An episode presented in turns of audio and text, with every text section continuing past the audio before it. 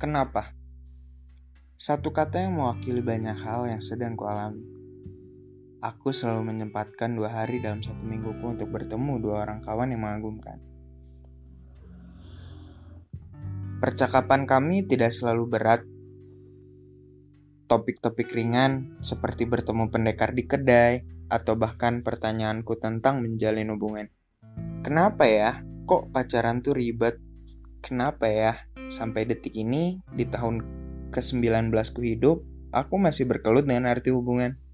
Hal tersebut sering dibahas. Dengan pengalaman mereka yang lahir lebih dulu, membantuku memetakan segala macam jawaban atas pertanyaan tentang hubungan. Hingga beberapa minggu ke belakang, aku ada di posisi bingung. Harus menyampaikan pada siapa kegundahanku. Ibu, Mungkin bukan orang yang tepat pada saat itu.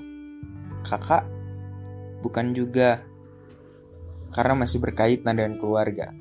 Teman, bahkan circle terdekat dalam kehidupanku saja tak kuceritakan.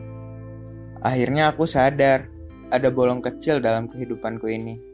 Ada sebuah tempat yang ternyata kosong. Aku jadi teringat perumpamaan seorang kawan.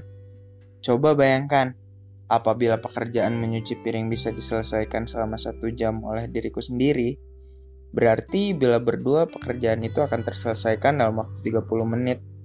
Itu merupakan perumpamaan yang baru aku mengerti akhir-akhir ini. Ternyata menanggung beban sendiri itu tidak mudah. Bukan perkara merasa sendirian untuk melangkah. Hanya ada saatnya butuh rebahan sebentar. Dulu aku berpikir bahwa hidup akan lebih mudah sendiri. Dengan alasan terlalu banyak mimpi yang aku impikan. Saat itu aku bergumam, jangankan untuk mengajak jalan. Perkara bensin mingguan pun kadang masih memotong uang jajan. Banyaknya masukan yang masuk setelah percakapan bersama mereka. Salah satunya apabila mengajak seseorang keluar, pastikan dalam keadaan memiliki uang Bukan. Bukan tentang keinginan terlihat dermawan. Hanya saja itu etika. Ketika episode ini keluar, maka ini menyatakan bahwa aku sudah mulai membutuhkan seorang teman. Teman yang mau mewujudkan mimpi bersama. Perkara berbeda pendapat, bukankah itu hal yang lumrah? Karena dua kepala yang berbeda tidak bisa dipaksa menyatu. Semua balik lagi kepada kata menerima.